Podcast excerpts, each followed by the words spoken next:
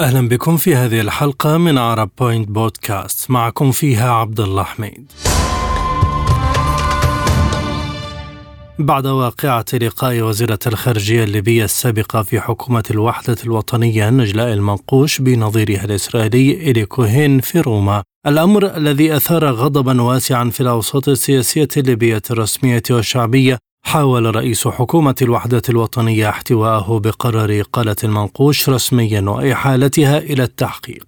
ليس هذا فقط فقد وافق مجلس النواب الليبي على خلفية هذا اللقاء المثير للجدل في أيلول سبتمبر الماضي على تعديل قانون تجريم التطبيع مع إسرائيل لتغليظ العقوبات الواردة بالقانون رقم 62 الصادر عام 57 المتعلق بتجريم التطبيع مع إسرائيل ولم يطرح للتصويت في مجلس النواب وقتها. لكن على ما يبدو تسببت الحرب التي تقودها إسرائيل على غزة منذ أكثر من شهر والتي أدت لسقوط عدد كبير من الضحايا المدنيين في إعادة قضية التطبيع مع إسرائيل للواجهة من جديد حيث أنهى مجلس النواب الجدل حولها بإقراره بالإجماع قانون تجريم التطبيع مع إسرائيل بحسب المتحدث باسم مجلس النواب الليبي عبد الله بليحق فما التداعيات المترتبة على إقرار هذا القانون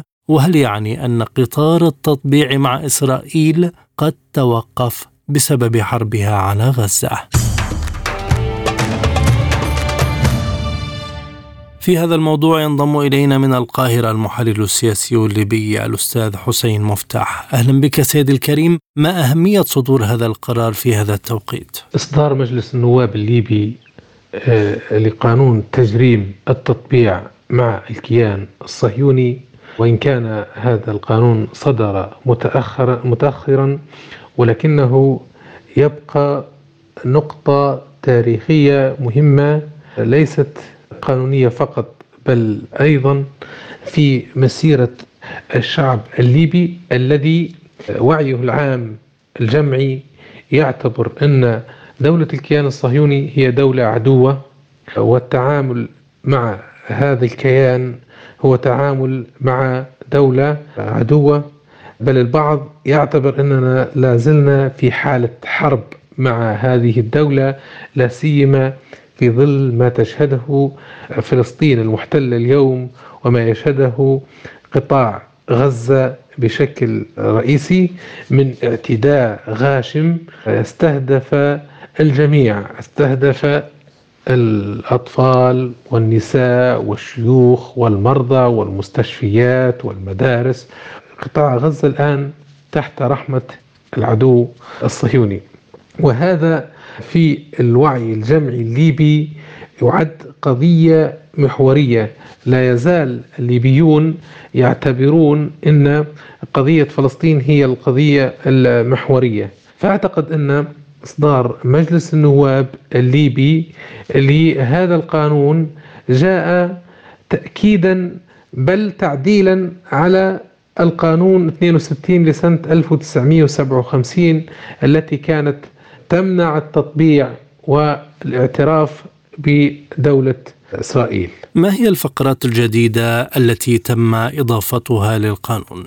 تجريم التطبيع الذي أصدره مجلس النواب الليبي الآن هو جاء لمعالجة بعض الهنات والخلل الموجود في القانون 62 لسنة 1957 فتمت إضافة العقوبات المترتبة ليس فقط على التطبيع بل على التعامل والاتصال بأي شكل من الأشكال مع دولة الكيان الصهيوني.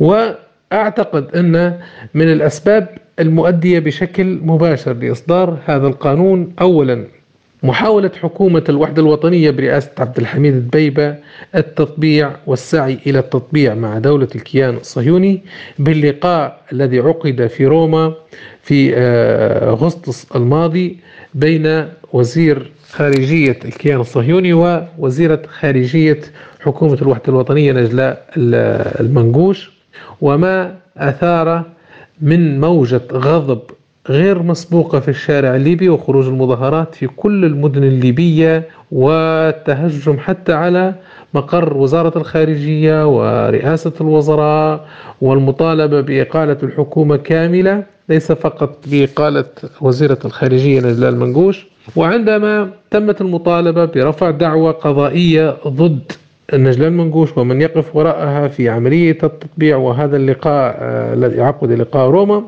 حاول النائب العام أن يحرك دعوة قضائية ولكنه اصطدم بأن القانون 62 لسنة 1957 غير كافي لتحريك هذه الدعوة القضائية. باعتبار أنه لم ينص على التواصل أو التخاطب أو فتح المجال بين الساسة الليبيين أو حتى المواطنين الليبيين ومواطنو أو مواطني آه، دولة الكيان آه، الصهيوني. وهو ما استدعى مجلس النواب باعتباره السلطة التشريعية أن يصدر هذا القانون والذي احتوى على نقاط إجرائية تفصيلية يمكن من خلالها أن تمثل نصا يمكن الاعتماد عليه في تحريك هذه الدعاوى القضائية وفرض العقوبات على كل من يتجاوز ومن يخالف هذا القانون وهو ما يعد إضافة مهمة ودعم حقيقي للقانون القديم. بالتالي يرتب التزامات كاملة على كل المسؤولين الليبيين ويمكن من تحويل هذه الرؤى هذه الأهداف إلى نقاط إجرائية يمكن البناء عليها ويمكن الاعتماد عليها وأن تصبح قانون نافذ يمكن من خلاله فرض عقوبات على كل من يحاول أن يتجاوز هذه الخطوط الحمراء باعتبار أن آه، الليبيين بالفعل يعتبرون أن التعامل مع هذه الدولة ومع هذا الكيان بالفعل هو تجاوز لكل الخطوط الحمراء آه، التي يقف عندها كل الليبيين وقد لاحظنا هذا في المظاهرات الغاضبة التي خرجت في مدينة طرابلس وفي كل المدن ليس فقط في مدينة طرابلس ولكن نتحدث عن مدينة طرابلس باعتبار أن فيها وزارة الخارجية ومقر رئاسة الحكومة وغيرها من المؤسسات آه، السيادية. إذا سيد حسين نتحدث عن الآثار المترتبة على إصدار هذا القانون. بعيدا عن محاولة حكومة عبد الحميد الدبيبة ووزير خارجية حكومة عبد الحميد الدبيبة التطبيع أو التواصل مع دولة الكيان الصهيوني. هذا القانون أعتقد أنه سيمثل رادع حقيقي لكل من يحاول أن يستغل هذه هذه الكيان الحصول على دعم خارجي الحصول على المساندة من المنظومة الدولية من الدول الكبرى الراعية والتي تقف دائما وراء دولة هذا الكيان وعلى رأسها بالتأكيد الولايات المتحدة الأمريكية. فأعتقد أن هذا القانون واصدار هذا القانون لا سيما في ظل هذا المناخ الرافض الآن والذي تزامن قد يكون حتى من سوء حظ حكومة آه، الوحدة الوطنية. هو ما حدث وما يحدث الآن في قطاع غزة الذي أجج الرأي العام ليس فقط المحلي ولا العربي بل أجج أيضا الرأي العام العالمي. فأصبح المناخ الآن طارد ورافض لكل محاولات التقارب مع هذا الكيان وهو ما يدعم حتى الأطراف القضائية الليبية التي ستعمل على تحويل هذا القانون من نص قانوني إلى إجراءات وإلى جانب تنفيذي فيصبح الآن باستطاعة النيابة العامة الليبية وباستطاعة المحامين الذين يرفضون التطبيع أن يحركوا دعاوى قضائية حقيقية يمكن بالفعل أن تأخذ مجراها للتنفيذ وتنال وينال الأشخاص الذين تورطوا في عمليات التطبيع أو التواصل مع المسؤولين الإسرائيليين إلى المحاكم والقضاء وحتى تنفيذ أحكام قضائية وفقا لما ينص عليه هذا القانون من عقوبات حقيقية وواقعية. طبعا هذا لن تكون تحت طائلته فقط حكومة الوحدة الوطنية أو نجلاء المنقوش بل سيكون بمثابة الرادع لكل المسؤولين الليبيين سواء كان الموجودين الآن على الساحة أو حتى من سيأتون لاحقا باعتبار أن القانون صادر عن السلطة التشريعية الشرعية المتمثلة في مجلس النواب وتمت إحالته ضمن قائمة القوانين آه، آه، الليبية.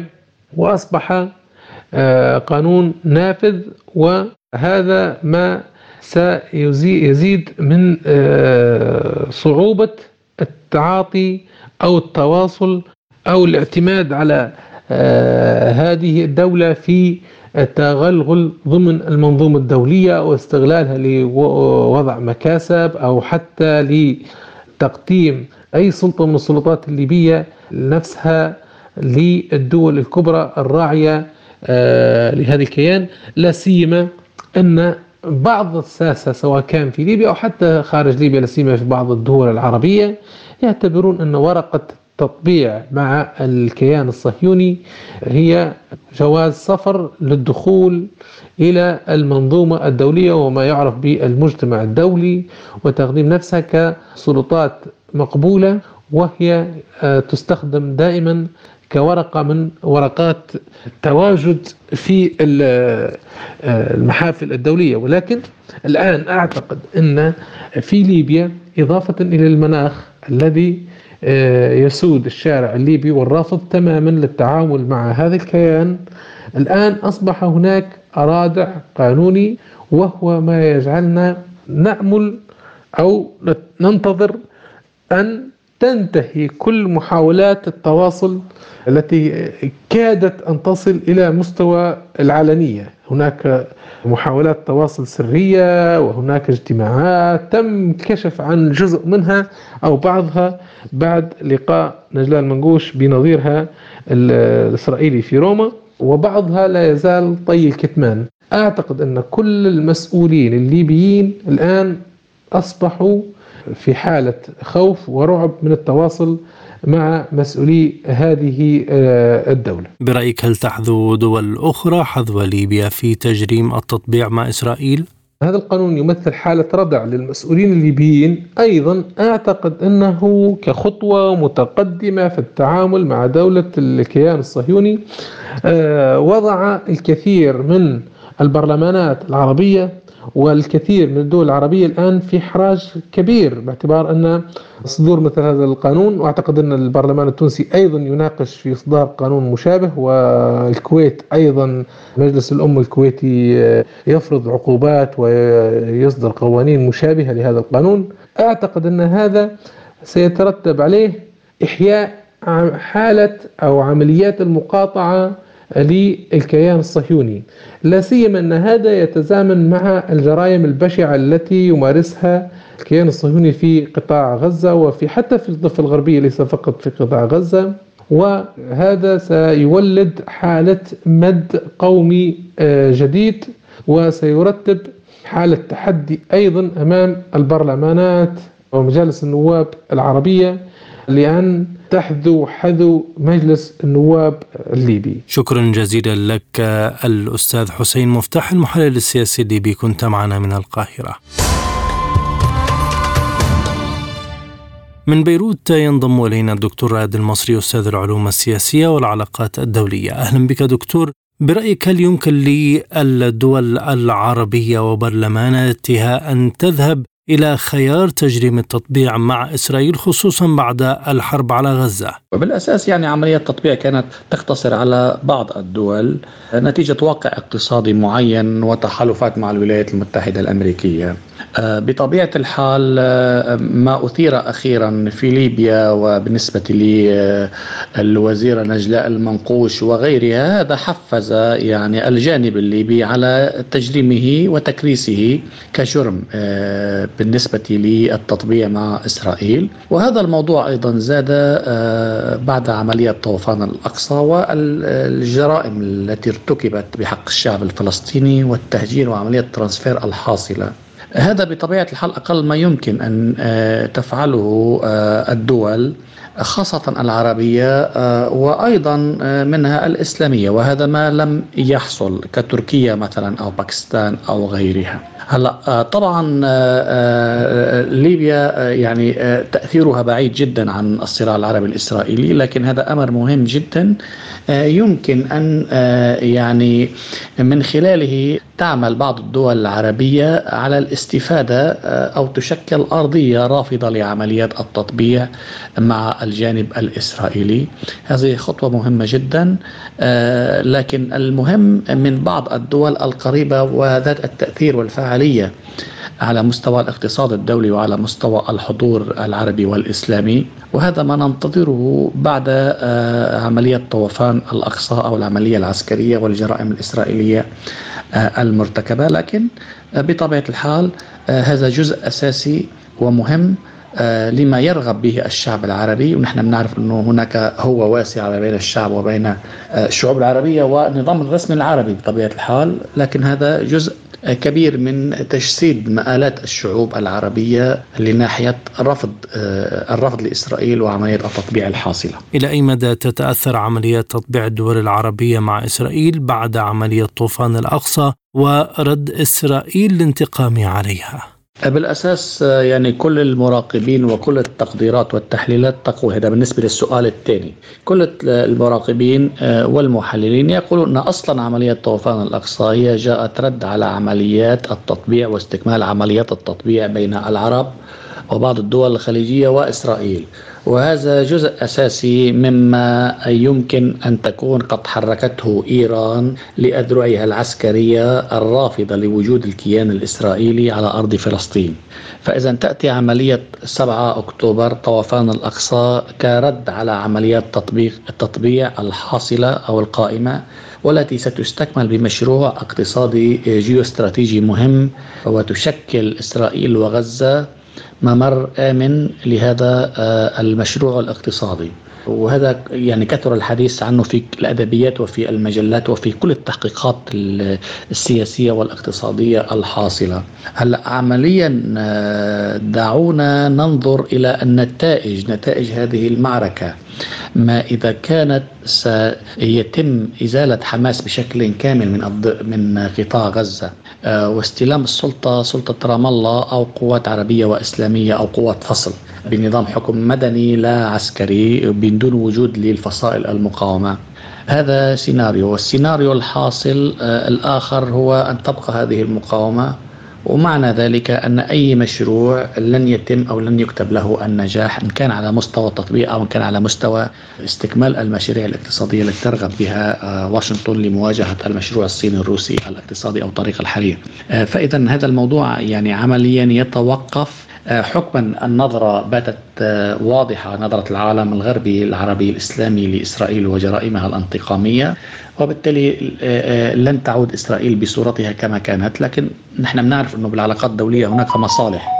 المصالح هي التي تطغى والقوي هو الذي يفرض رؤيته ووجوده وحضوره واقتصاده وهذا واضح نعرف نحن من خلال سياسة الولايات المتحدة الأمريكية لكن كل ذلك يتوقف على نتائج عملية طوفان الأقصى. كيف ستسير؟ ما هو السيناريو المحبوك أو المرسوم لهذه العملية ونهايته وعلى أساسه؟ سيتم تشكيل المنظومة منظومة تطبيعية أو المنظومة الاقتصادية المتكاملة لأنه مش... لأنهما مشروعين متكاملان مع بعضهما البعض إذا ما تداعيات توقف قطار تطبيع العلاقات العربية مع إسرائيل على وضع تل أبيب في المنطقة؟ بالأساس يفترض أن عملية التطبيع أن تتوقف طالما أنه لا آه، حقوق للفلسطينيين ولا وجود لحل الدولتين وحدود الرابع من حزيران قبل الرابع من حزيران 1967 أقل شيء أن لا يتم الاعتراف بإسرائيل آه، طالما أن هذا الموضوع لم يبت ولم يتحصل الشعب الفلسطيني على حقوقه وهذا أمر بديهي وطبيعي خصوصا من الدول القريبة والمؤثرة على مستوى النفط وعلى مستوى الرعاية الاقتصادية. بطبيعة الحال آه، يجب أن تعزل إسرائيل بعد هذه العملية. طالما أن العالم كله قد اكتشف إسرائيل وجرائمها ووحشيتها بحق الأطفال والمدنيين العزل والمرضى والمؤسسات الصحية والطبية والمدارس والمؤسسات التربوية يعني هذا الموضوع كله يجب أن تتم محاسبة إسرائيل أمام محكمة الجناية الدولية والهدف الأساسي قبل أي شيء هو إحالة إسرائيل والشكوى عليها أمام محكمة الجناية الدولية للمحاكمة قادتها بجرائم ضد الإنسانية هي مرتكبة وموثقة وموجودة إلى اليوم هل تعود إسرائيل منبوذة في المنطقة العربية على خلفية الغضب الشعبي من حربها على غزة؟ طبعا آه، إسرائيل بعد هذه العملية يجب وحكما أن تكون آه، معزولة ومنبوذة أقله من محيطها العربي والإسلامي. لكن آه، الموضوع أنا أعتقد أكبر بكثير لأن هذه العملية بالأساس تخوضها عسكريا الولايات المتحدة الأمريكية. يعني هي قادة هذا المشروع بطوفان الأقصى أو في هذه الحرب على غزة. وبالتالي ارتباط هذه الدول الإسلامية والعربية بمصالح استراتيجية مع الولايات المتحدة الأمريكية آه، لا يمكن أن يصل بها إلى هذه الخواتيم لناحية النبذ والعزل بالنسبة لإسرائيل. وهذا بات واضح. شفنا قرارات القمة الأفريقية والقمة الإسلامية في الرياض. يعني كان لها آه، أمور مهمة وبيانات وبنود مهمة جدا لكن آه، هذه البنود كانت تتطلب ترجمة على أرض الواقع وفاعلية. من الذي قادر على ترجمتها وعلى فرضها كان على الأمريكي أو على الإسرائيلي؟ هذا هو الواقع وهذا ما تحتاجه المنطقة. لفرض وقائع على إسرائيل لمنعها من إعادة ارتكاب أي مجزرة أو إعادة الحقوق إلى الشعب الفلسطيني. ليس لدينا أي آليات ضاغطة قوية إن كان على المستوى الاقتصادي. حتى النفط لم يستخدم بمكانه ولم يجرؤ أحد على استخدامه لأن الموضوع يتعلق بأمن وسلاسل التوريد وأمن الطاقة العالمي وهذا موضوع خطير جدا جدا خصوصا بعد الحرب الروسية الأوكرانية. وبالتالي العبث به أو التهديد أو التلويح به هو أمر يعني في غاية الصعوبة.